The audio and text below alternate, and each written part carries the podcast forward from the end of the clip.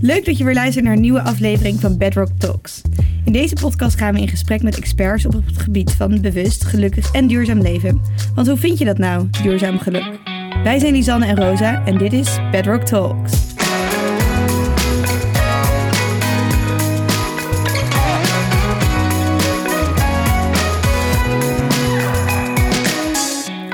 Productie van spullen staat op de nummer 1 in de top van de milieu-impact van de Nederlander.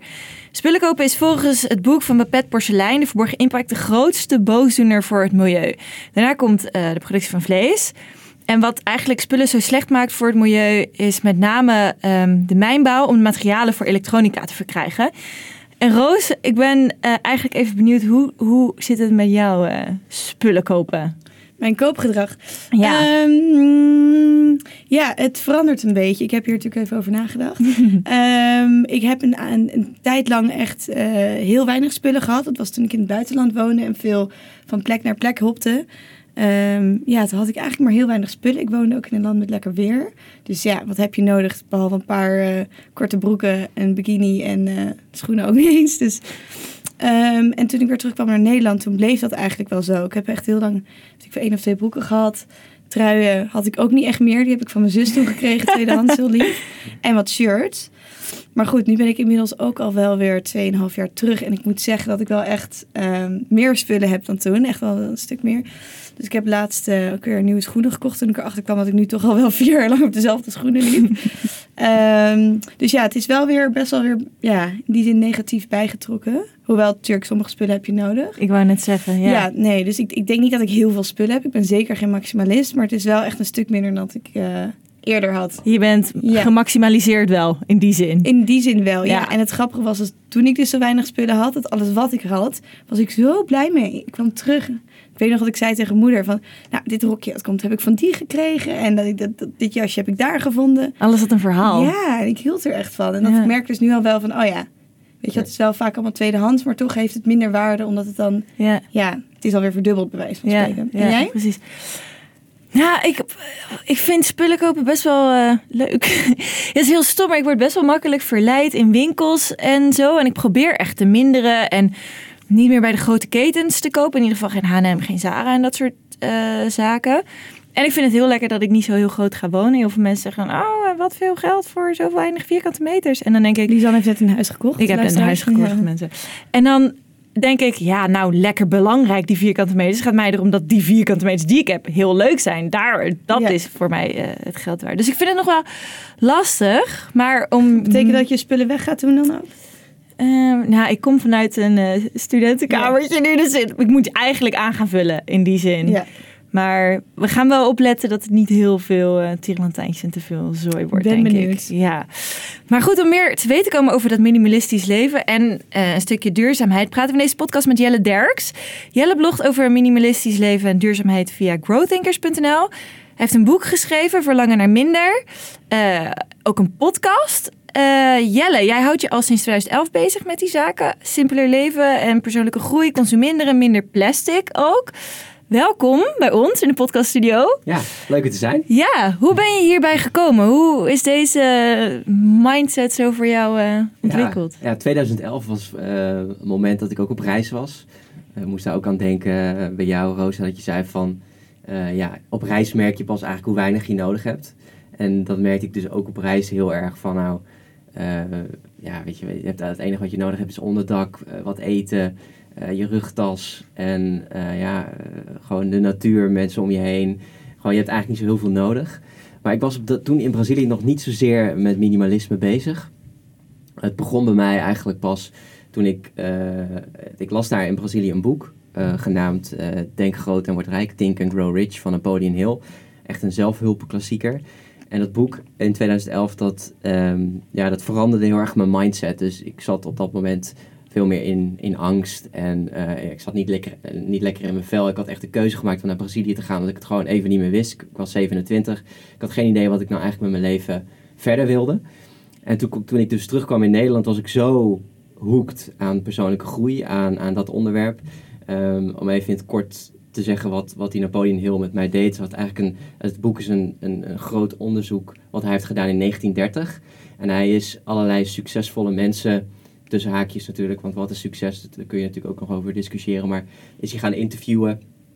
En daar, daar komt er eigenlijk een soort heel groot onderzoek uit met allerlei eigenschappen die die mensen op dat moment hadden. En uh, bijvoorbeeld in het kort, het is, heel, het is heel belangrijk om verlangen te combineren met een bepaald geloof, met een bepaald doorzettingsvermogen. En daarvoor te gaan en vooral niet uh, te letten op wat anderen daarover zeggen. Dat zijn allemaal dingen. Angst voor kritiek is bijvoorbeeld iets, iets, een onderwerp in het boek wat je zou moeten verslaan volgens Napoleon Hill, net als angst voor armoede. En vooral die spoken van de angsten waren bij mij dus heel erg aanwezig. En die ben, daar ben ik gaan, mee aan de slag gegaan in Brazilië. En toen ik dus terugkwam, was ik dus zo hoekt aan persoonlijke groei dat ik maar aan het bloggen was. Of, of uh, nou, nog niet aan het bloggen, maar vooral op blogs aan het zoeken was.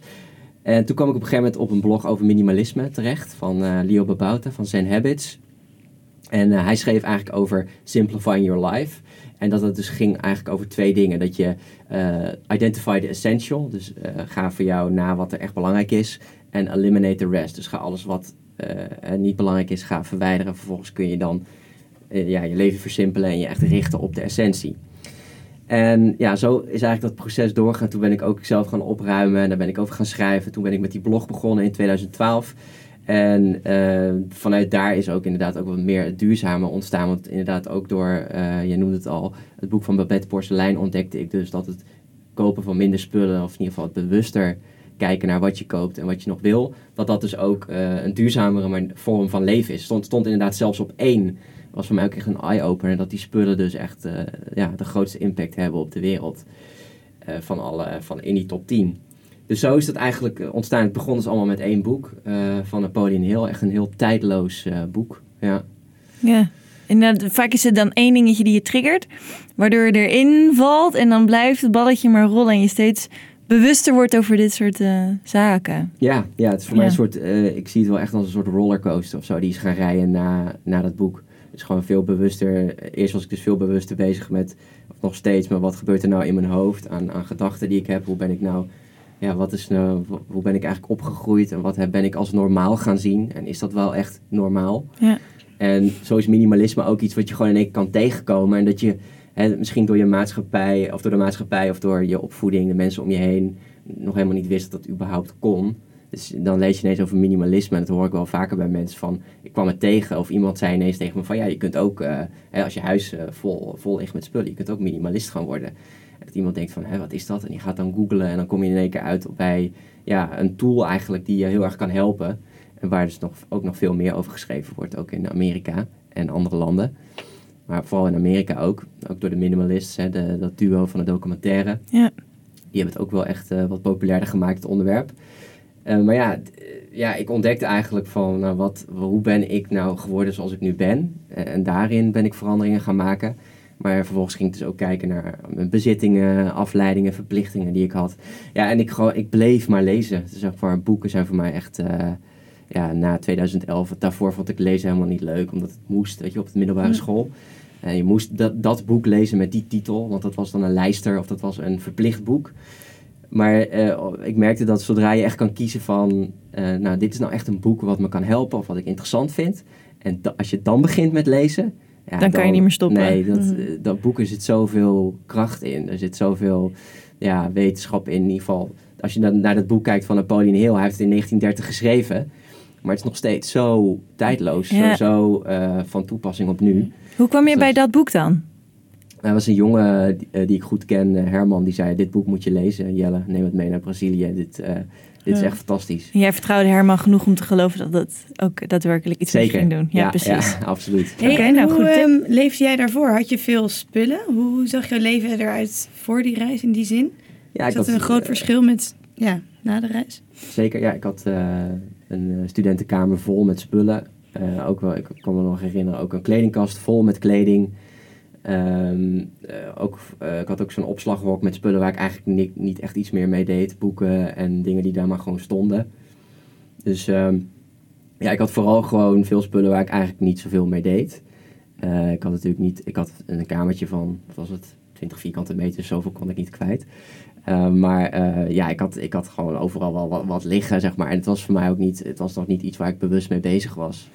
En um, ja, het was gewoon normaal dat je, ja. dat, je, dat, je, dat je kleding, gewoon lukraak kleding kocht. En is ook wel echt een beetje het begintijd van, uh, je had het er ook net over, van de fast fashion uh, bedrijven. Ja. Dus gewoon maar, ja, maar kopen voor een klein bedrag. En uh, als het niet meer goed is, koop je weer iets nieuws. Dus heel erg die mindset van het, ja, het weggooien eigenlijk van spullen. Dus het wel kopen, maar vervolgens denken van ja, ik koop wel volgende maand alweer iets nieuws.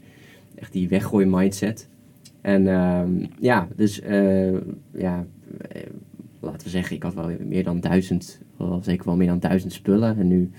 Inclusief kleding, boeken, kasten, sokken, ja, ja, brieven, ja, dat soort dingen. En toen op een gegeven moment, toen ik dus net dat minimalisme ontdekte, was ik er zo mee aan de slag dat ik uh, dacht van, nou, ik wil uh, gaan kijken tot hoe ver ik kan komen. Dus toen probeerde ik naar 99 spullen te komen. En ik had ook zo'n 100 Things Summer Challenge gedaan. Dus gingen, mm. mensen gingen dan 100 dingen wegdoen en ik ging dan proberen naar de 199, of in ieder geval uiteindelijk werd dat 99 komen. Dat heb ik op een gegeven moment ook gehaald. Uh, maar daar, toen was ik nog niet verlicht. Dat dus, het maakte nog uit. Maar uiteindelijk, ja. ja. Het maakte geen reet uit hoeveel je hebt.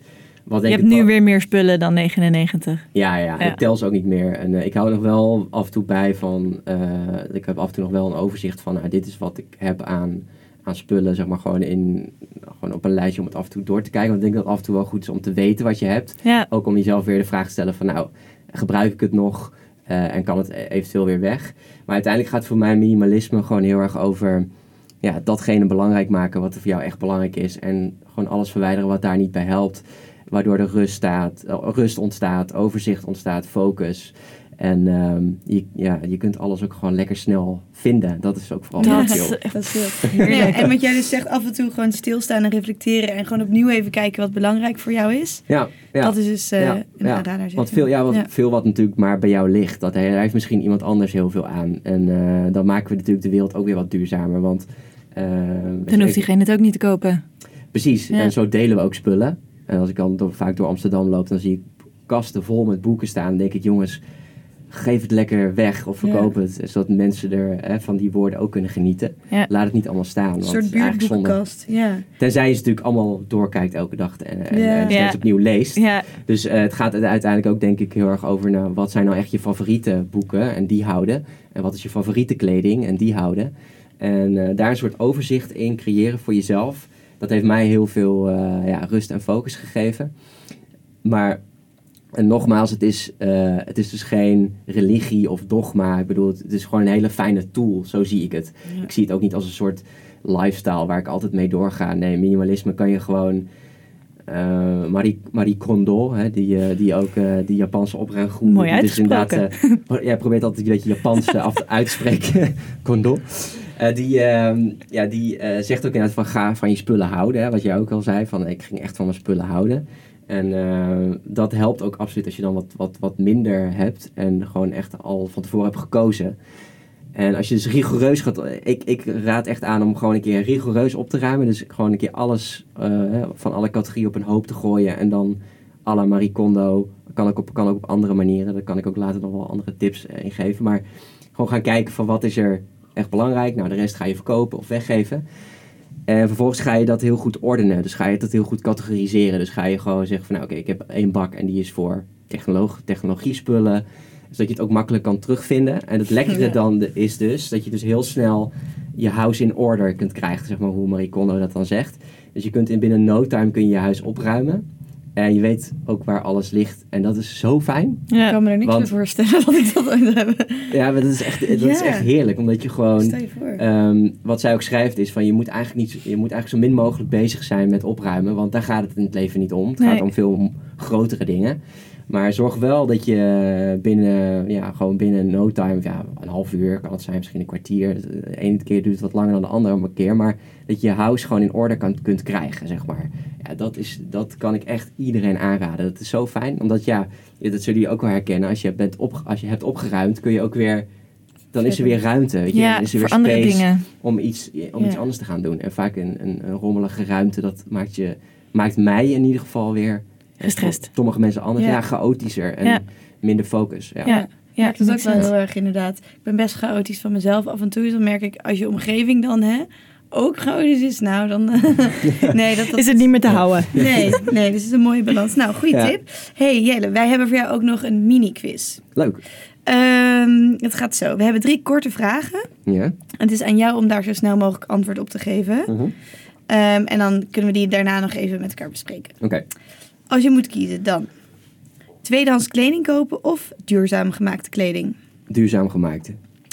Een hele lege woonkamer of een hele eh, sfeervolle woonkamer? Eh, sfeervol. En leeg. Hebben het zo over. Warm minimalisme. Ehm, nooit meer social media of nooit meer nieuwe spullen kopen?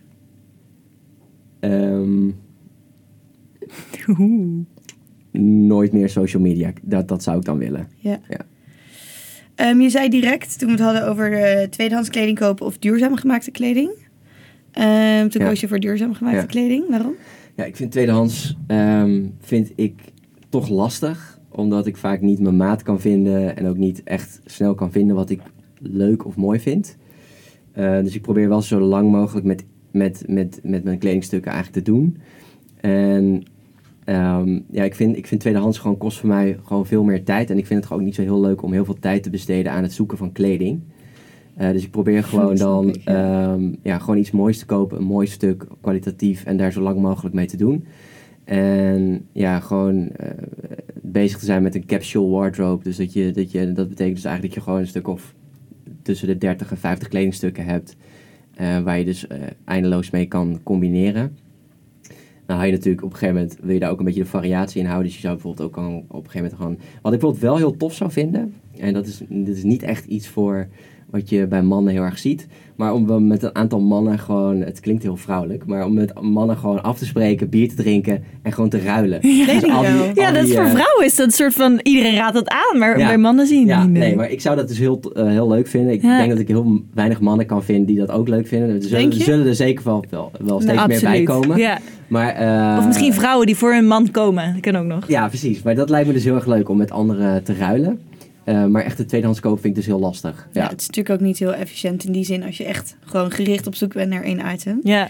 En toen hadden we het over een hele lege woonkamer of een hele sfeervolle woonkamer. Toen zei je een hele lege sfeervolle woonkamer. Was geen optie. Afgekeurd. Fout.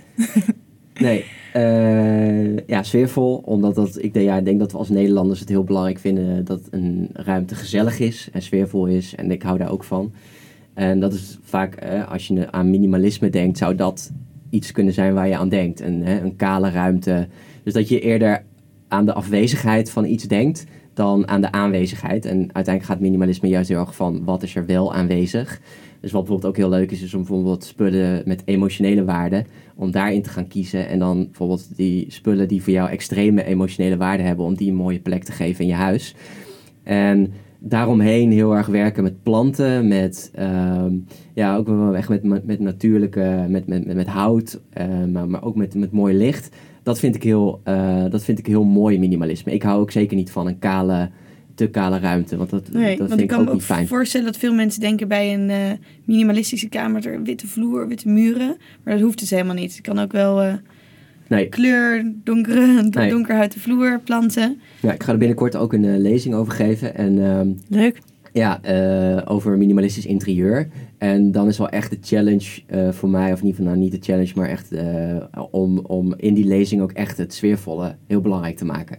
Dus hoe maak je minimalistisch eh, ook warm en, en sfeervol en gezellig. Ja, tot Zonder een plek waar je ook gewoon relaxed thuis bent en Ja, het ja. fijn hebt Ja, op De- die manier. Dennis Storm eh, schrijft er in zijn boek ook Weg ermee, eh ken je vast ook wel, ook Ja. over minimalisme.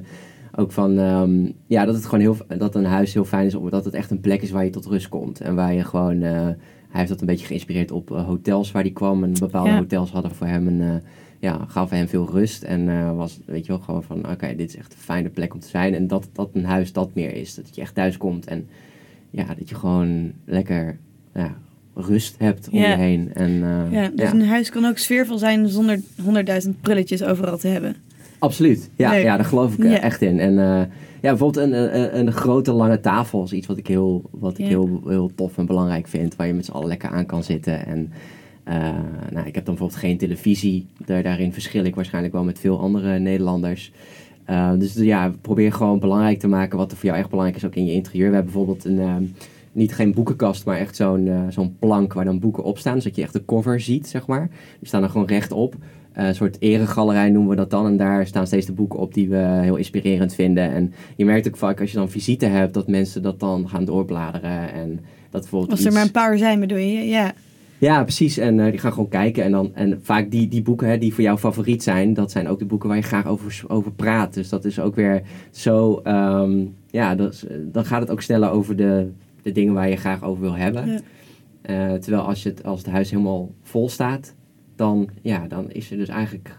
Ja, waar, waar, ja. ja, waar moet je dan kijken? Een soort van, er, er is zoveel dat er niks meer is. Een beetje, beetje wel, dat ja, idee. Ja, En zo werkt het voor mij. En uh, voor de een werkt het... Kijk, ik zeg, ik zeg niet van iedereen moet minimalist worden. Maar kijk, ik, ik, uh, voor mij werkt het en dat probeer ik te delen. En uh, ja, denk vooral niet van... ik wijs niemand af, zeg maar. Maar dit, ja, dit is een manier om... Ja uh, dit is er. Minimalisme, minimalisme is er om jou te helpen. Ja, ja. ja precies. Het is zo grappig ook dat um, heel veel huishoudens uh, zijn zo ingericht, of interieuren, dat alle meubels wijzen naar de televisie. Ja. Dat is heel grappig als je ja. wij hebben thuis ook geen televisie. Dat je die weghaalt en die creëert zo'n andere sfeer. Heel gezellig. Zeg maar, je zit meer naar elkaar toe of je houdt meer ruimte over voor andere dingen. Je gaat meer kletsen, want je gaat niet zeg maar gedachteloos naar dat ding staren terwijl je daar entertained wordt. Ja, heel grappig. Denk je televisie is weg uit je woonkamer. Hoe ziet het er dan uit? Ja. Ja. Ja, echt een centraal punt inderdaad. Ja, grappig. Even kijken. En nummer drie was uh, nooit meer social media of nooit meer nieuwe spullen kopen. Toen liet je toch social media varen. Mhm. ja. Um, Zit jij veel op uh, socials? Uh, steeds minder. Ik merk wel dat ik dat, dat, ik dat echt... Ehm, ik heb laatst een heel interessant boek gelezen over van Neer Eyal. Het heet Indistractable. Dus zonder afleiding eigenlijk. En daar heb ik ook wel een aantal tools weer uitgehaald. En ik probeer wel gewoon um, ja, een beetje mijn smartphone een beetje te zien als een sauna. Dus een sauna waar je even in gaat, maar je moet er ook niet te lang uh, in die sauna blijven zitten. Dus op een gegeven moment is het tijd om weer die sauna uit te gaan. Dus dan leg ik hem weer weg. Voor mij is social media natuurlijk wel uh, belangrijk. Omdat uh, ja, ik met Growth Thinkers ook probeer anderen te inspireren, net als Bedrock. Dus ja, ik zal af en toe ook ja, vind het ook af en toe gewoon fijn om op dingen te reageren. Ja. Jij zit elke dag op, wel op gewoon op, op Instagram en zo. Ja, ik check het wel. Ik check het sowieso wel elke dag. Maar ik probeer er wel uh, in ieder geval de tijd die ik insteek wel laag te houden. Ja. Dus gewoon effectief, uh, effectief ermee om te gaan en het dan weer... Uh, gewoon je telefoon ook even wegleggen, vind ik ook fijn. Dat je het gewoon even niet, dat die niet in je zak zit. Of op rij, als je op reis bent of als je ergens naartoe gaat, gewoon even je telefoon niet in je broekzak, maar in je, in je, in je tas. En um, ja, schermtijd helpt voor mij heel erg wel. Op de iPhone is dat dan alleen maar dat je, dat je, zeg maar, dat je apps offline gaan eigenlijk. En dat je die dan uh, weer online kan zetten door te zeggen van nou, ik wil nu, ik wil nu bijvoorbeeld, dat vind ik bijvoorbeeld heel fijn bij WhatsApp. Want dan zag ik altijd nog wel die rode, die rode getalletjes. Ja. En die zijn dus heel erg, ja, die, die zijn zo gemaakt zodat jij daar echt meteen op aangaat. Dat je het meteen gaat checken. En dat trok ik dat, dat, dat, wilde ik liever niet. Dus daar, die kun je daarmee ook uitschakelen. Dus je schakelt eigenlijk de app uit. En dan zeg je bijvoorbeeld bij WhatsApp, zeg ik dan... Oké, ik wil het nu een kwartier gebruiken. Als in een sauna, bij wijze van spreken. ga even een kwartiertje in de sauna. En dan, uh, daarna gaat die app weer offline. Dus dan zie je ook weer niet al die, die eh, rode ja, die notificaties, ja. ja. Dus ik ga er wel, probeer er wel heel uh, bewust mee om te gaan. En het gaat steeds beter, ja, merk ik. En daarom zou ik ook uh, kiezen... Ik denk ook niet dat social media...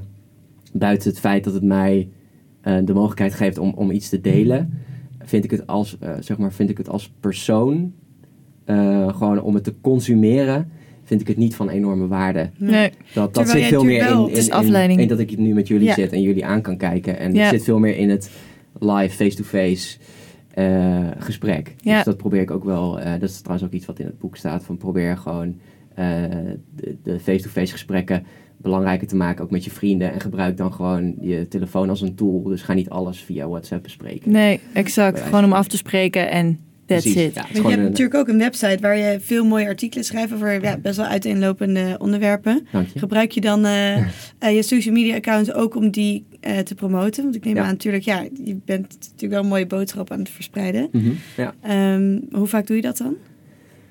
Uh, ja, het ligt heel erg aan wanneer er een artikel klaar is en af is om gepubliceerd te worden. Maar vaak doen we het ochtends. Ik uh, onderneem samen met mijn vriendin. Dus uh, zij is vooral degene die de social media zo doet. Dus we plannen, plannen het dan in. En vaak doen we het ochtends. En dan gaat dan um, niet automatisch. We checken het wel altijd wel van tevoren van oké, go. En dan probeer ik af en toe daar dan te kijken van nou kan ik, uh, kan ik eventueel reageren op oh, ja. bepaalde reacties. Maar dat is ook niet elke dag, of wel? Nee, nee, nee, nee, nee, Je plant dan gewoon een blok in voor jezelf. Nu ga ik even kijken. En Ja. dan, Ja, Ja. ja, Oh ja, ja. dat het is niet dat ik het inplan. Het is meer dat ik gewoon dat ik eh, dat ik dan het probeer gewoon zo ja, gewoon even een kleine periode te, te doen. En Ja. dan weer het weer. Want je kunt natuurlijk heel snel erin verdwijnen, opgaan. verdwijnen in die nieuwsfeeds. Ja. En eh, als een zombie op een gegeven moment naar je Helemaal telefoon ingezogen staat. Ja. Tweeënhalf uur later ook. Ja. Ik moest naar werk. Ja.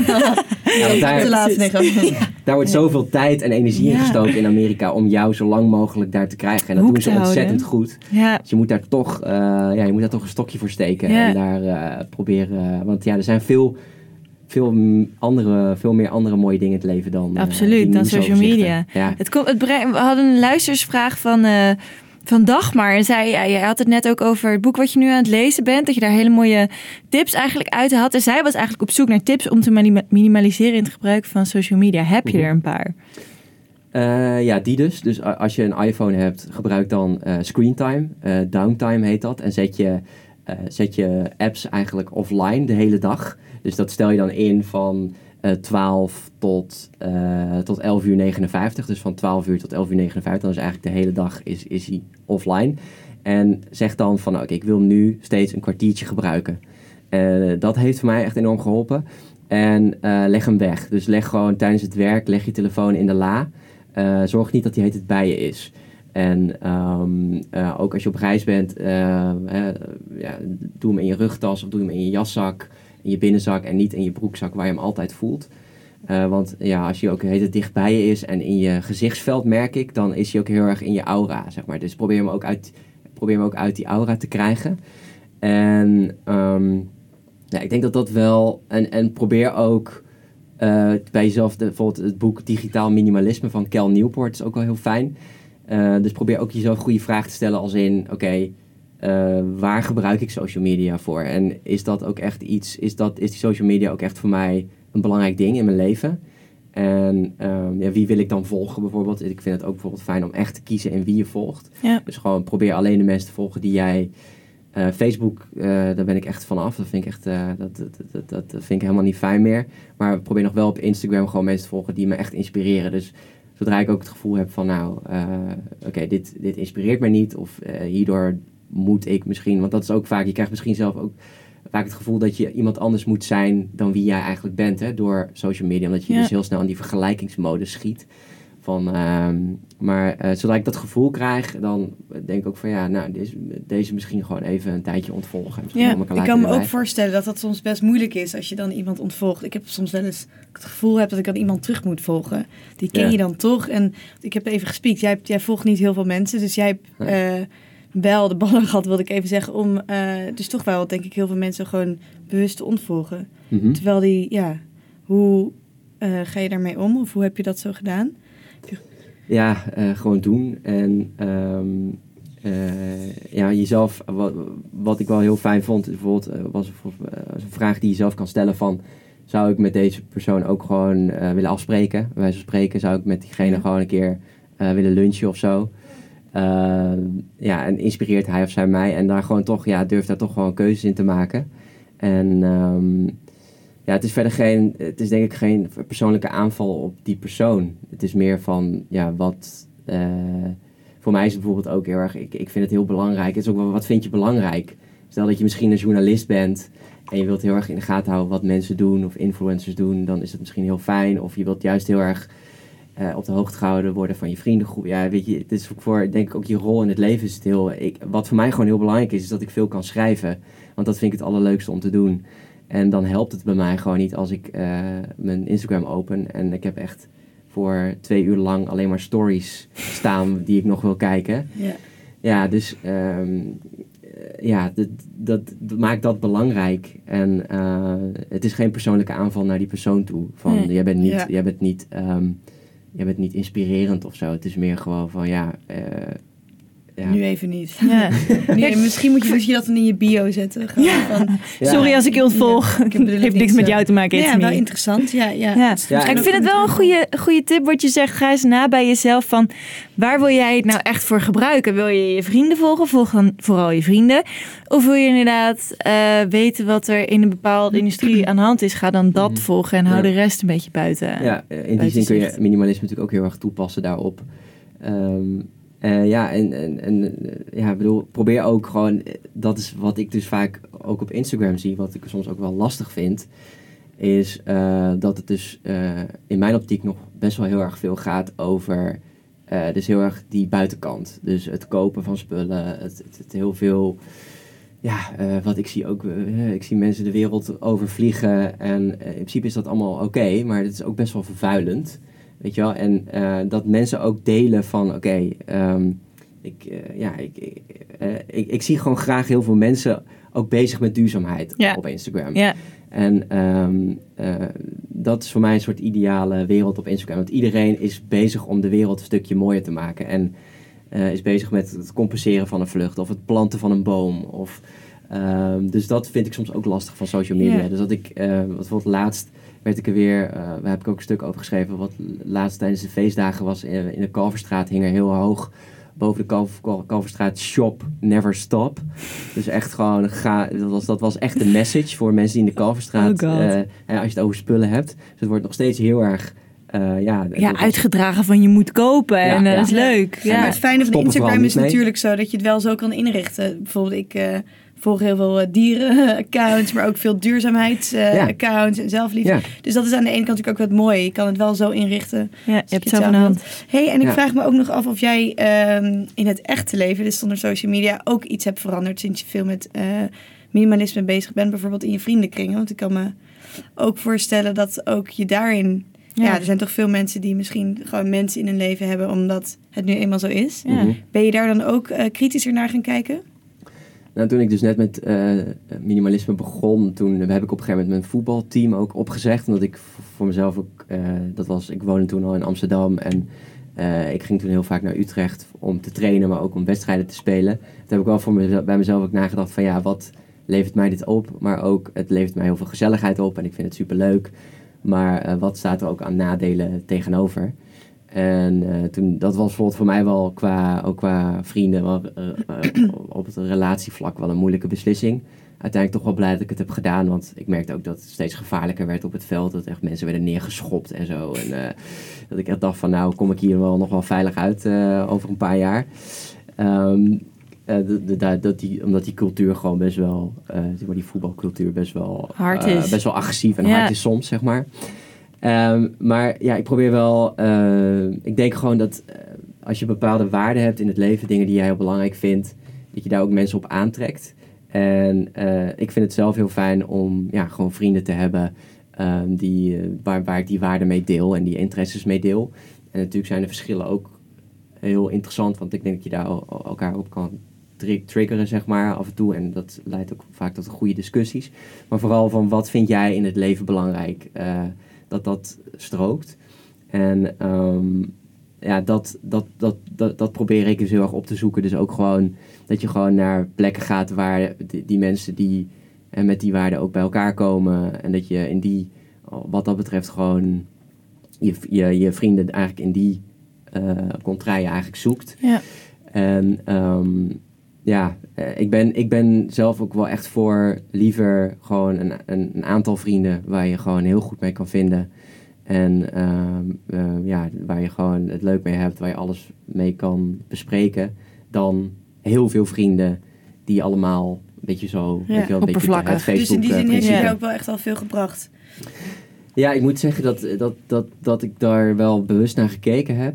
Maar uh, ik, heb, uh, ik heb niet echt minimalisme toegepast op mijn vriendengroep of zo.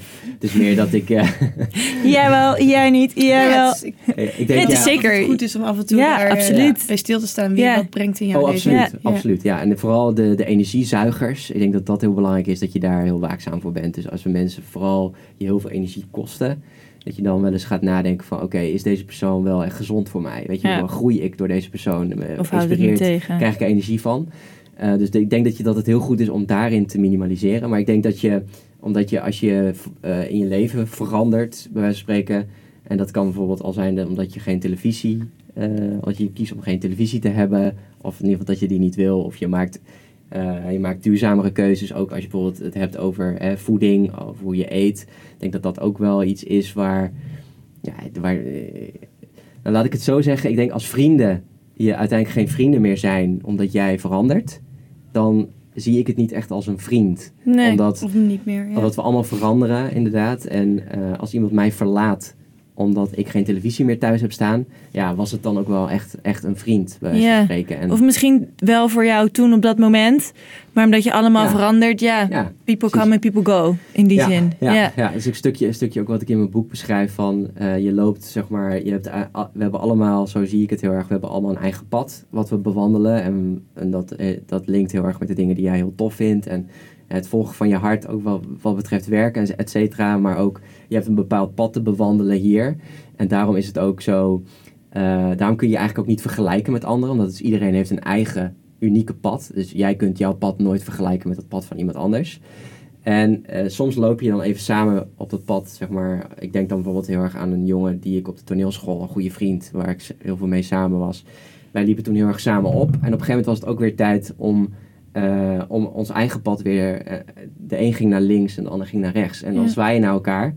Maar je kunt elkaar uiteindelijk toch ook weer, weer kruisen en weer treffen en weer tegenkomen. Ja. Dus ik denk, zo probeer ik altijd naar eh, vrienden te kijken van, ja, je loopt nu eventjes een, eh, misschien een, een eh, 50 meter verderop, maar misschien komen we elkaar wel weer een keer tegen. Ja, En ehm, ja. Dat is ook oké, natuurlijk. ja, Dat soort dingen zo gebeuren loopt het gewoon, precies. Precies. Ja. En jij had het net al eventjes over dat je eigenlijk op Instagram ziet dat, je, dat iedereen het liefst bezig is met eh, bomen planten, niet meer vliegen, et cetera.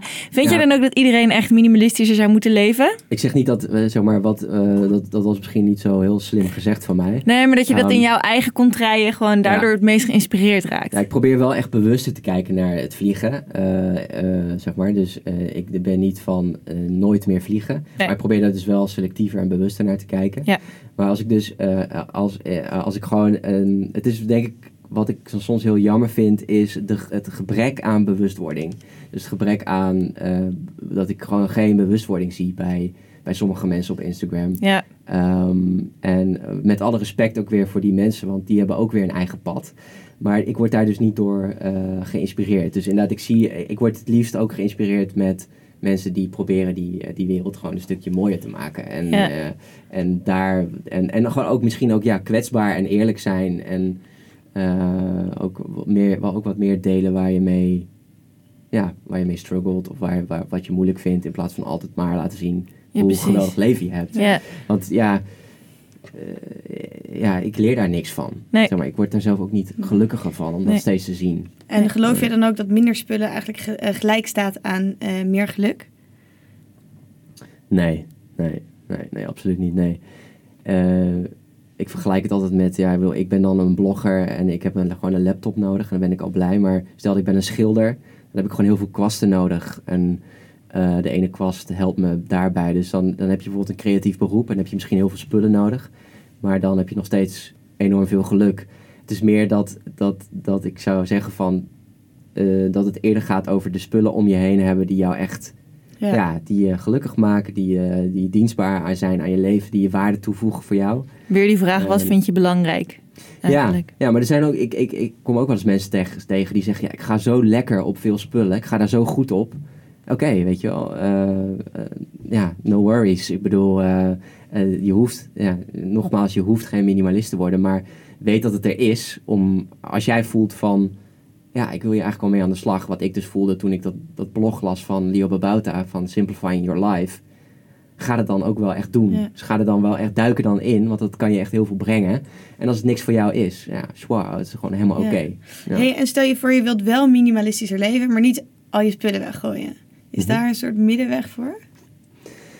Eh, ja, ja, ik gewoon begin dan met. eh, ik zou dan b- gewoon beginnen met de dingen die. eh, gewoon prularia. De spullen die er maar staan. En waar je eigenlijk zoiets hebt van ja, waarom heb ik het nog?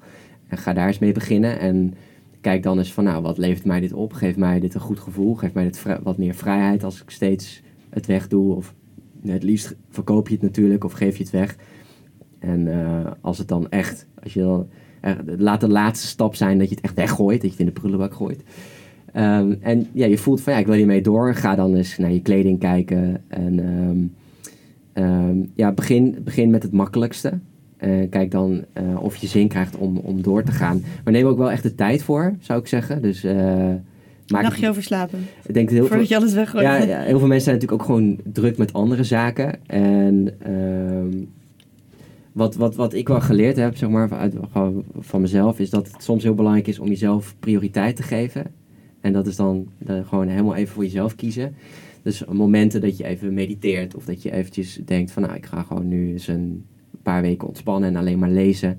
Zo kun je bijvoorbeeld ook gewoon eens denken van ik ga eens gewoon even een maand. Wat, wat, wat heel fijn is, is de, de 30. eh, nee, dat is de, de, de, zeg maar die, die maand challenge. Dus je begint eh, eh, op de eerste dag van de maand. En op de eerste dag van de maand doe je één ding weg. De tweede dag van de maand doe je twee dingen weg. Eh derde dag van de maand drie dingen. Zo ga je door. En eh, dat is heel leuk, omdat het gewoon, ja, dat kun je gewoon daar. En dat kun je ook heel leuk met iemand anders doen, als een soort game. En Wat? houdt het langste vol? ja, Ik zit te denken, moet ik allemaal zijn schoenen weer weg doen? Ja, net nieuw gekocht. Shitty. ja. Ja. eh, dat is bijvoorbeeld een heel leuke, een heel leuke zie, het ook, zie het ook als een leuk proces, als een spel. En zie het niet als een moedje. Eh, maar ik zou wel zeggen, voel, je- als je voelt van, ja, ik wil hier toch echt wel mee aan de slag. Eh, neem dan gewoon een keer echt de tijd ervoor. Net als dat je de tijd neemt voor jezelf om een boek te lezen of Ja, te mediteren. En dan zul je misschien ook eerder, je zult dan ook eerder denken van nee, ik ga liever nu even dit doen. Ik heb geen zin om te lezen. Maar Ja. je merkt altijd wel dat als je echt kiest om het te doen, dat het je heel veel kan opleveren, een boek. Of, of- Absoluut, of- en dat ja. is precies hetzelfde met minimaliseren in mijn Ja. Hey, en ik zit even te denken, maar een boek, is, is een e-reader niet veel... eh, Minimalistische. Ja, ja. ja. Ja, ik lees, ik lees eigenlijk eh, ik lees hoofdzakelijk alles op mijn eh, Kindle. Op mijn, Ja. ehm, en sommige boeken, zoals bijvoorbeeld dat boek van Babette Porcelein. eh, Die heb je dan echt? Die heb ik, omdat Ja. daar ook veel tekeningen in staan. Ja, ook dat. Maar er staan heel veel tekeningen in en die, kun, die kan ik niet als e-book ook aanschaffen. Eh, op Kindle, op mijn Kindle dan. Eh, dus dan eh, kies ik ervoor om die gewoon via... Ik vind ook wel, het, het, het, het, het fysieke boek heeft ook wel iets. Dat je, de, dat je het papier kan ruiken. Ja, vind wel. ik Dat is wel. ook wel heel fijn. ja. Uh, maar ik lees ook op de Kindle, omdat ik dan dus, dan kan ik highlighten. Dus dan kan ik bepaalde dingen markeren eigenlijk. En die worden vervolgens weer opgeslagen in mijn eh, Readwise. Ah. En Readwise is een soort tool die ik gebruik om eh, herinnerd te worden aan dat wat ik gehighlight heb. Dus ik krijg, da- ik krijg bijvoorbeeld elke dag een mail met mijn highlights uit mijn boeken. En voor mij is dat echt een top manier om niet te vergeten wat je leest. Dus dat wat je leest, dat je dat ook weer, ja, dat je dat heel erg ook in je dagelijks leven Oh ja. kan En dat is een app? betrekken. Readwise? Ja, Readwise. Eh. Ze hebben nu net een app gelanceerd, die is nog in de beta Oké. zijn ze aan het testen. Uh, maar daar kun je bijvoorbeeld ook al foto's mee maken van een, een bladzijde uit je boek. En dan highlighten en dan slaat hij het ook op. Uh, je, kunt ook, uh, je kunt hem ook uh, integreren met, je- op je laptop met... uh, dat je, dat, dat je zeg maar gewoon iets markeert Ja. op je scherm, dat hij het opslaat. Wat goed. Dus ja, en dat doe ik nu ook met artikelen. Dus voor mij is het echt een eh, geweldige... Dus daarom vind ik ook e-books heel fijn. Dat het Ja. dus heel makkelijk ook eh, te digitaliseren is naar eh, tekst toe. Of naar de, Maar gewone boeken mogen ook nog. Zeker. Absoluut. Zeker. Hey, ja, ja. En zijn er dan ook nog andere dingen waar je een soort van moeite mee hebt misschien om los te laten? Qua Eh, spullen echt? Nou, mijn, echt mijn grote guilty pleasure is Apple. Eh, omdat ik, eh, ik zou, stel dat ik echt voor het milieu, voor het, voor het klimaat zou gaan, dan zou ik voor een Fairphone gaan. Ja, ik was benieuwd of je er een had, maar die heb je dus niet. Nee, Nee, Heel even voor de luisteraars, wat is een Fairphone? Dat is een, de, de, eigenlijk de modulaire, circulaire, duurzame smartphone. Maar die, ja, die is gewoon nog, ehm, eh, met alle respect voor Fairphone en supergoed wat ze doen. Maar die is gewoon vergeleken, tenminste vind ik, vergeleken met Apple. Kwalitatief gezien. Ja, loopt hij Ja. gewoon nog achter. En in die zin ben ik wel, ben ik daar wel heel erg op, eh, hou ik daar echt van. Van, van dat, eh, Gadgets. ja, en maar vooral ook van het, hoe Apple dat aanpakt. En eh, ja, gewoon de airdrop en gewoon het, het gemak en de de, de, de- zeg maar het functionele ervan. Ehm, dus ik vind het soms wel lastig als er dan Apple met een nieuwe eh, lancering komt om dan toch te kijken en te denken, oh, ik wil misschien toch wel die nieuwe iPhone. Welke heb je nu? Ik heb nu een 10. Ja. Refurbished gekocht. Oh ja. is Oké, een ja tip- precies. Tip voor de luisteraar. Ehm, koop je, je je telefoon eh, het liefst refurbished. eh, want op refurbished zit dus ook garantie. Het is eigenlijk tweedehands, maar dan gecheckt door een partij. En die eh, checkt hem helemaal en die maakt hem eventueel ook nog gewoon ja, als nieuw. Dus er zit garantie op je aankoop. En het is een, eh, eh, een tweedehands aankoop. Dus de, de, zeg maar de impact, de verborgen impact, is, zit er al in. Zeg maar. Ja. Die is er al uit. Ja. En dat Dus doe je ja. gewoon online bij webshops. Ja, ja Google gewoon refurbished. Kijk wel heel goed naar, naar, de, naar de garantie en, en zo. En kijk ook naar eh, de garantie van de batterij. Want je merkt ook nog wel dat bij sommige mensen de, dat uh, de batterij in één keer heel erg hard achteruit ging. Maar uh, vaak zit er ook gewoon garantie op je batterij mocht die heel snel minder worden. Dus probeer wel even goed te checken hoe het met garantie zit. Maar ga absoluut voor refurbished. Okay. Omdat het gewoon ook... ja, tweedehands loop je toch altijd nog het risico met technologie dan dat het gewoon stuk gaat en dan zit je. Dan heb je geen, ja, weet je, dan kun je niks meer, want je hebt het tweedehands gekocht. En hier heb je gewoon garantie op je aankoop. En wat jij ook al zei in het begin, op technologie zit eigenlijk de meeste impact, omdat daar dus heel veel Ehm, ja, daar wordt heel veel, uh, in, in de mijnbouw wordt daar heel veel, worden daar he, edelmetalen voor uh, uit de grond gehaald. Plus daar komen ook heel veel chemische stoffen vrij. Ja. Er zit heel veel impact in, uh, in technologie. Dus dat is wel echt goed om, om je daar in ieder geval op te, ook op te richten. Ja, precies. En is, dit, is, is, is technologie of gadgets jouw enige verleiding? Dat vroeg ook Jacqueline zich af. En zij wilde ook dan weten hoe jij met die verleidingen die, die er dan heersen omgaat. Mm -hmm. Nou, ik heb dus eigenlijk alleen die verleiding met uh, gadgets, uh, met, met, uh, met elektronica en niet zozeer met, met kleding. Um, ik merk dat ik, op, dat ik ook wel gewoon, dat ik, dat ik zoveel mogelijk ook probeer om door al die advertenties heen te kijken en daar ook de wereld achter te, te weten en te zien. Want die, ja, gewoon die grote bedrijven zijn gewoon zo slim geworden om jou ervan te overtuigen dat je zou moeten kopen, omdat je dan gelukkiger, slanker, noem het allemaal op zou worden. Maar um, ja, dat is, dat is dus niet zo. Uiteindelijk, uiteindelijk ben je dus. Uh, het, het, het, tenminste, dan denk ik weer erg terug over dat reizen. Van je hebt eigenlijk helemaal niet zoveel nodig. Weet je wel, en dat je gewoon goed in je vel zit. En als je daar, als je daar meer tijd in steekt, in plaats van het kopen van spullen, dus meer, veel meer intern dan extern uh, investeert. Gaat, ja. Dat geeft je veel meer geluk dan alsmaar kopen, kopen, kopen. Want dat geeft je op lange termijn in ieder geval mij geeft dat op lange termijn geen voldoening. En um, ook, ja, ja, jij noemde het ook al in het begin, je wordt ook dankbaarder als je minder hebt en koopt. Omdat je, dan, als, je, als je dan een keer iets koopt, dan ben je blij dat het er is. En um, ja, weet je wat, het, het, het, wordt zo, het wordt dus heel erg uh, gestimuleerd door die maatschappij. Maar probeer daar gewoon heel erg doorheen te kijken. Net als dat iemand iets tegen je zegt en het gaat van het ene oor in het andere oor weer ja. uit. Het is misschien voor veel dus- mensen ook wel een beetje een verslaving. Ja. Spullen kopen en nieuwe ervaringen. En of het nou een, eh, een reisje boeken is, of nog een keer nieuwe schoenen, of nog een. Uh, ja, het zorgt voor uh, dopamine. Ja, het is een soort kick die je steeds weer krijgt. Ja, het kopen van een, nieuw, van een nieuwe schoenen of, of gewoon het, het, kopen van nieuwe spullen. dat laat dopamine los in je hersenen. En dat, dat is gewoon dat stofje wat je ook krijgt als je heel veel likes hebt op je Instagram post. Uh, en dat doet kopen dus ook. Dus uh, wees je ook daar bewust van. En ja, probeer gewoon ook langer termijn te denken van, ja, geef mij dit op, dit geeft me even op korte termijn heel erg veel voldoening. Ik zie dat, wat, wat, wat, ik zie nu bijvoorbeeld al die kerst, we nemen dit op in begin januari. Ik zie nu al die kerstbomen op straat liggen in Amsterdam. Vind ik altijd verschrikkelijk beeld. Dat is voor mij ook echt zo'n beeld van die korte termijn gratificatie, zeg maar. Dus we willen voor korte termijn willen we die kerstboom in huis. Wat ik ook heel fijn vind hoor. Ik bedoel, ik vind het ook heel mooi, zo'n kerstboom, et cetera. Maar ik denk dat we daar wel anders naar kunnen gaan kijken. Dat we die misschien weer herplanten. Of, weet je, er zijn natuurlijk meerdere manieren om bijvoorbeeld een kerstboom te huren of te lenen. Absoluut. Ik heb er gewoon, uh, ja, ik, ik heb er dan dit jaar niet voor gekozen. Maar misschien volgend jaar weer wel op een, andere, op een bepaalde manier. Maar dat, daarin zie ik heel erg ook terug wat we in dat kopen dus heel erg hebben. Dus dat, dat je gewoon voor de korte termijn iets, iets wil en dat vervliegt weer. Want nu liggen die kerstbomen weer op straat. Dus het is weer vervlogen. Terwijl probeer gewoon langer termijn te denken. En ik denk dat dat ook de, de mindset moet zijn voor de toekomst. Ook als hoe we kijken naar spullen. Dat je iets koopt en ook echt de beslissing maakt van ja, ik ga hier zo lang mogelijk mee proberen te doen. Ja. En sommige merken die zijn dat dus ook al heel erg aan het uitzenden van je kunt bij ons gewoon je kleding laten repareren. Weet je, wij zijn niet van de weggooi mindset en van de verbrand mindset, maar als je iets koopt, probeer er zo lang mogelijk mee te doen. En dat willen wij ook jou graag zien doen. Ja, en is het stuk, breng het terug. ja. precies. En volgens mij is het sowieso zo dat als je iets nieuws koopt, dat je die dopamine kick soort van, ja, dat, dat hou je van zes, iets van zes weken of zo. Dan ben je nog blij ja, afhankelijk van de grootte, ja. Ja, en dan uh, hebt het weer weg. Dus dat is best wel zonde volgens mij. Ja, ja. dan blijf je natuurlijk bezig. Blijf je bezig. C met een, uh, met een, uh, een dikke auto. auto. Ja, ja, precies.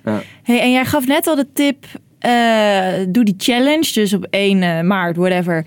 één ding, twee maar twee dingen. eh, elimineren uit je leven. Eigenlijk heb je nog meer tips om uh, minimalistischer leven aan te gaan of daarmee te beginnen? Mhm. Eh, ik raad dus heel erg van binnen naar buiten aan. Je, ik zie het eigenlijk ik zie twee manieren, of drie manieren. Je hebt die Maricondo methode, dus dat je met um, prularia, of nee, volgens mij met kleding begint en dat allemaal op een hoop gooit en dan één voor één gaat voelen van dat is het spark joy. Dat is een methode. En van binnen naar buiten is eigenlijk mijn favoriet. En dat is hoe ik het zelf heb gedaan. Dus ik ben op een gegeven moment ben ik een persoonlijke missie gaan schrijven. Dat kwam uit het boek van Stephen Covey. Dat was eigenlijk het boek wat ik las na Napoleon Hill.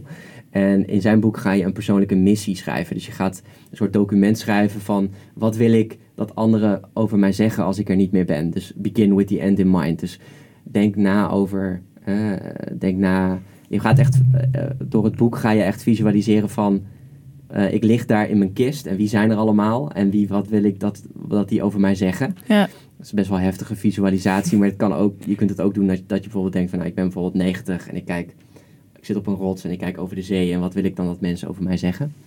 En daar maak je een document van.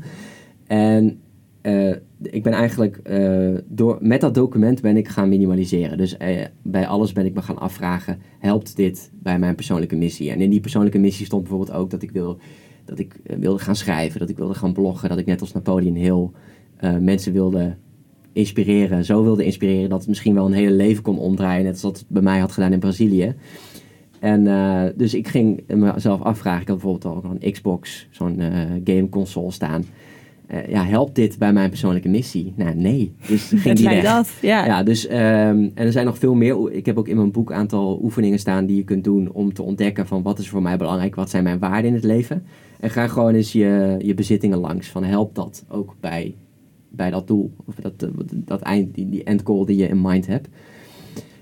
En uh, van buiten naar binnen is gewoon dat je begint in een kamer of een ruimte waar je vaak komt. En je gaat gewoon eens alles wegdoen wat, wat voor jou, waar je van denkt van nou dit kan, dit hoeft hier eigenlijk niet te staan. Dat doe je in een tas. En dan ga je gewoon eens voelen van hoe voelt dat. Uh, dat kun je bijvoorbeeld ook in je slaapkamer of in je badkamer doen. En dan zit alles gewoon in die tas. Nou, die, met die tas kun je later, die, dat kun je later, uh, kun je daar spullen van gaan wegdoen. Maar dan voel je in ieder geval al wel wat het met je doet. En ga dan gewoon van ruimte naar ruimte en ga gewoon kijken van nou, wat kan hier weg, wat kan ik daarvan weggeven, verkopen. Dus um, dat zijn eigenlijk twee manieren. Maar mijn favoriet is dus van binnen ja. naar buiten. Ja, mooi ja. idee. Hey, en we hebben het nu gehad welke impact minimalisme dan heeft op jou, dus als persoon. Mm -hmm. uh, maar welke verschillen kunnen we als mens maken op de wereld als we minder spullen kopen? Um, of daar langer mee doen, of die misschien uh, aan een ander geven? Ja, je, je koopgedrag is dus... Uh, we, je had het al over Babette Porselein. Um, zij heeft dus inderdaad onderzocht dat heel veel spullen die komen vanuit uh, China en zeg maar de, echt de andere kant van de wereld komen ze naar hier. En daar zit al heel veel uitstoot in. Dat gaat allemaal via zeecontainers en die stoten al enorm veel CO2 uit. Dus er zit heel veel verborgen impact in het vervoer van de spullen, maar ook het, het produceren daarvan. En um, ja, dat, dat is eigenlijk, daar doe je aan mee zodra je heel veel koopt. Maar um, waar ik op dit, op dit moment ook best wel veel over nadenk, is als bijvoorbeeld als je het hebt over duurzaamheid, dan is het dus heel goed om als consument uh, bewuster te kopen en daarmee bezig te zijn. En um, aan de andere kant heeft het ook weer niet zo enorm veel impact, omdat uiteindelijk die echt die grote impact, die grote veranderingen, die, die komen echt bij de bedrijven vandaan, bij de grote bedrijven, bij de overheden. Dus eigenlijk ligt nu de bal heel erg daar. En als ik dus mensen zou aanraden, als ik dus mensen zou willen adviseren van nou wat kan ik doen, dan zou ik veel meer zeggen van ga daarmee aan de slag. Dus ga kijken, stel dat je werkt bij een groot bedrijf, ga kijken wat daar mogelijk is. Um, ga kijken hoe je bij overheden uh, misschien wat voet in de aarde kunt krijgen. Omdat uh, want Marjan Minnesma met Urgenda, die, zij hebben nu die zaak gewonnen hè, tegen de staat. Dus het kabinet, of tegen het kabinet. Dus het kabinet moet nu echt hun uitstoot gaan verminderen. Dat is een soort afspraak die er nu staat. Uh, en zij zegt ook van de, de verantwoordelijkheid ligt nu echt bij die grote bedrijven en bij die overheden. En wij als consument kunnen zeker wat doen. En ik zeg ook niet van dat dat niks uitmaakt. Want ik vind ook echt dat je dat moet doen. Want dat, ik denk dat dat heel belangrijk is om uh, ook naar jezelf geloofwaardig te zijn en ook naar je omgeving. Maar als we kijken naar, naar duurzaamheid en naar waar de wereld naartoe moet, dan moeten we echt als mens ook veel meer daar gaan kijken van wat is daar mogelijk. Maar um, ja, op lange termijn, als, als ik kijk naar lange termijn, dan is het gewoon heel belangrijk dat we veel meer een mindset gaan krijgen van ik koop iets en ik wil er gewoon zo lang mogelijk mee doen. En dat bedrijven ook dat gaan uitdragen. Dus dat ze ook echt producten maken die, waar wij heel lang mee kunnen doen. Want vaak worden nu spullen, als, we hebben het net over Apple gehad. Je iPhone is op een gegeven moment kan niks meer. Dus je moet wel een nieuwe, maar dat er gewoon producten komen die je levenslang kunt gebruiken. En dat uh, bedrijven dat ook gaan stimuleren. Dat is heel belangrijk, denk ik. En dat we dus inderdaad echt naar die circulaire economie gaan. Um, dat is dus dat, dat je bij wijze van spreken zo'n telefoon uit elkaar kan schroeven en je doet er één onderdeeltje in en hij is weer snel, bij wijze van spreken, maar dat je nog wel al die onderdelen, dat je die nog wel hergebruikt. Dat is echt een hele belangrijke zet, denk ik, als je kijkt naar spullen voor de economie en voor de bedrijven. En je ziet dus al dat heel veel kleine, ja, kleine scheepjes, zeg maar, zoals ik het dan zie, kleine scheepjes, dat die het al aan het oppakken zijn. Maar Kleine duurzame bedrijven heb je Ja, precies. Maar dat die grote tankers, die grote schepen, die moeten ook echt in beweging die uh, moeten, Die maken het verschil. En daarom zijn bedrijven als ver van waar we wel weer heel tof, ook al leveren ze misschien kwalitatief niet het beste product. Ze challengen wel de iPhones, de Samsungs, de Huawei's of hoe je dat ook uitspreekt. Ja, echt op deze compliment ook. En, ga, en uh, je wil ook Fairphone ook absoluut niet afschrijven. Uh, maar ik ben gewoon dan weer een beetje zo'n gadget uh, freak. Ja, en, dan is het ook weer wat vind je wel met een hele, hele goede telefoon. Hoor. Ik heb daar ook wel vertrouwen in. Ja. Uh, goede telefoon, ja, in ieder geval een, een, zo'n fancy telefoon. Ja. waar ik dan van hou. maar ja, dus die, inderdaad, die scheepjes, die kleine scheepjes zijn heel belangrijk. Maar die, het gaat echt ook nu om die olietankers. En vooral het woord olie is het dan heel belangrijk, omdat de wereld dus gewoon nog heel erg afhankelijk is van olie. Ja. En olie is ook weer plastic. En polyester is ook weer plastic, wat dan in kleding zit. En polyester, uh, fast fashion, is mede mogelijk gemaakt door polyester. Ja. Uh, plastic flesjes. Uh, we kunnen, kun je natuurlijk ook een aantal grote bedrijven noemen die daar, die daar heel veel van maken. Dat zijn allemaal bedrijven. Ik hoop gewoon dat die bedrijven. dat die echt gewoon gaan komen met, met goede oplossingen. En dat overheden ook gaan zeggen van... Oké, als, als dit kledingstuk niet duurzaam geproduceerd is, komt het ons land niet in. Ja. Weet je, dat is al dat zou al zo mooi zijn. Dus op Europees niveau uh, zou dat ook bepaald kunnen worden, ja. geloof ik toch? Er zijn al een aantal richtlijnen voor, weet ik. Ja, daar wordt, dus wordt daarom wordt heel veel geproduceerd, ook uh, in lage lonen. Ja, ja, dus laten we vooral hoop houden inderdaad. En, uh, en kijken van wat kunnen, we, ja, wat kunnen we daarin betekenen. Ja. Roos, je hebt nog een hele mooie laatste vraag voor, ja. voor Jelle. Nou, ik was nog wel benieuwd naar wat jouw droom is. Dus je spreekt natuurlijk over verschillende grote onderwerpen. Um, hè, van duurzaamheid, maar geluk, uh, minimalisme, dat zijn, ja, dat is nogal wat. Mhm. Zie je jezelf later ook voor een soort groter publiek spreken over de dingen die jij belangrijk vindt? Hm. Of is dat niet per se een droom? Um, nou, ik merk wel dat ik nu, uh, ik heb dan nu een boek geschreven en uh, ik merk wel dat, het, eh, dat ik het, het, schrijven van een boek en daar ook heel erg op, uh, ja, heel erg mee bezig zijn van nou, hoe maak je een boek ook voor de massa? Want ik vind het ook, zou het ook heel fijn vinden als duurzaamheid gewoon nog meer naar de massa komt, zeg maar. Want nu is duurzaamheid, het heeft altijd wel een beetje een geitenwolle sokken imago gehad. En dat wordt nu ook wel echt steeds minder, hè, dat merk je wel. En uh, ja, mensen zien ook wel om zich heen dat, het gewoon, dat we aan de slag moeten. Ook nu met die, uh, met die, die branden in uh, Australië. Dus de wereld geeft het ook aan van jongens, kijk uit, want het, het gaat gewoon best wel mis. Um, dus voor mij zit het dus heel erg in ja, gewoon meer boeken schrijven. En ik hoop gewoon met die duurzame message, zeg maar, dat, dat gewoon dat duurzamere leven en daarmee aan de slag gaan. En dat belangrijker maken ook in je eigen leven dat ik daar meer mensen nog gewoon, ja, dat, dat ik daar meer mensen mee kan bereiken. En ook dat het op een gegeven moment echt bij de massa komt. En dat de massa ook in beweging komt. Want dan, ja, dan denk ik dat we de, de, de meeste impact maken. En ja, vaak als je dan boeken schrijft die door meer mensen gelezen worden, dan sta je ook voor grotere groepen. Dus, uh, van het een komt het ander. Ja, ja, ja, ik las ooit in een boek van het beste, de beste manier om je eerste boek te promoten is een, het schrijven van een nieuw boek. Dus ik ben nu ook wel echt bezig met ja, hoe wil ik een, het nieuwe boek vorm, gaan vormgeven en waar, waar moet het over gaan. Maar ik neem daar wel ook echt de tijd voor, omdat ik dat, uh, ja, dat is gewoon wel belangrijk. Ik wil dat niet haasten. Dus ik blijf wel zeker bezig met, uh, ja, met boeken schrijven. Dat vind ik toch wel echt het allerleukste. En, het, uh, en het podium, is dat aan jou besteed? Ja, lezingen geven vind ik heel leuk om te doen. Dat doe ik nu best wel geregeld.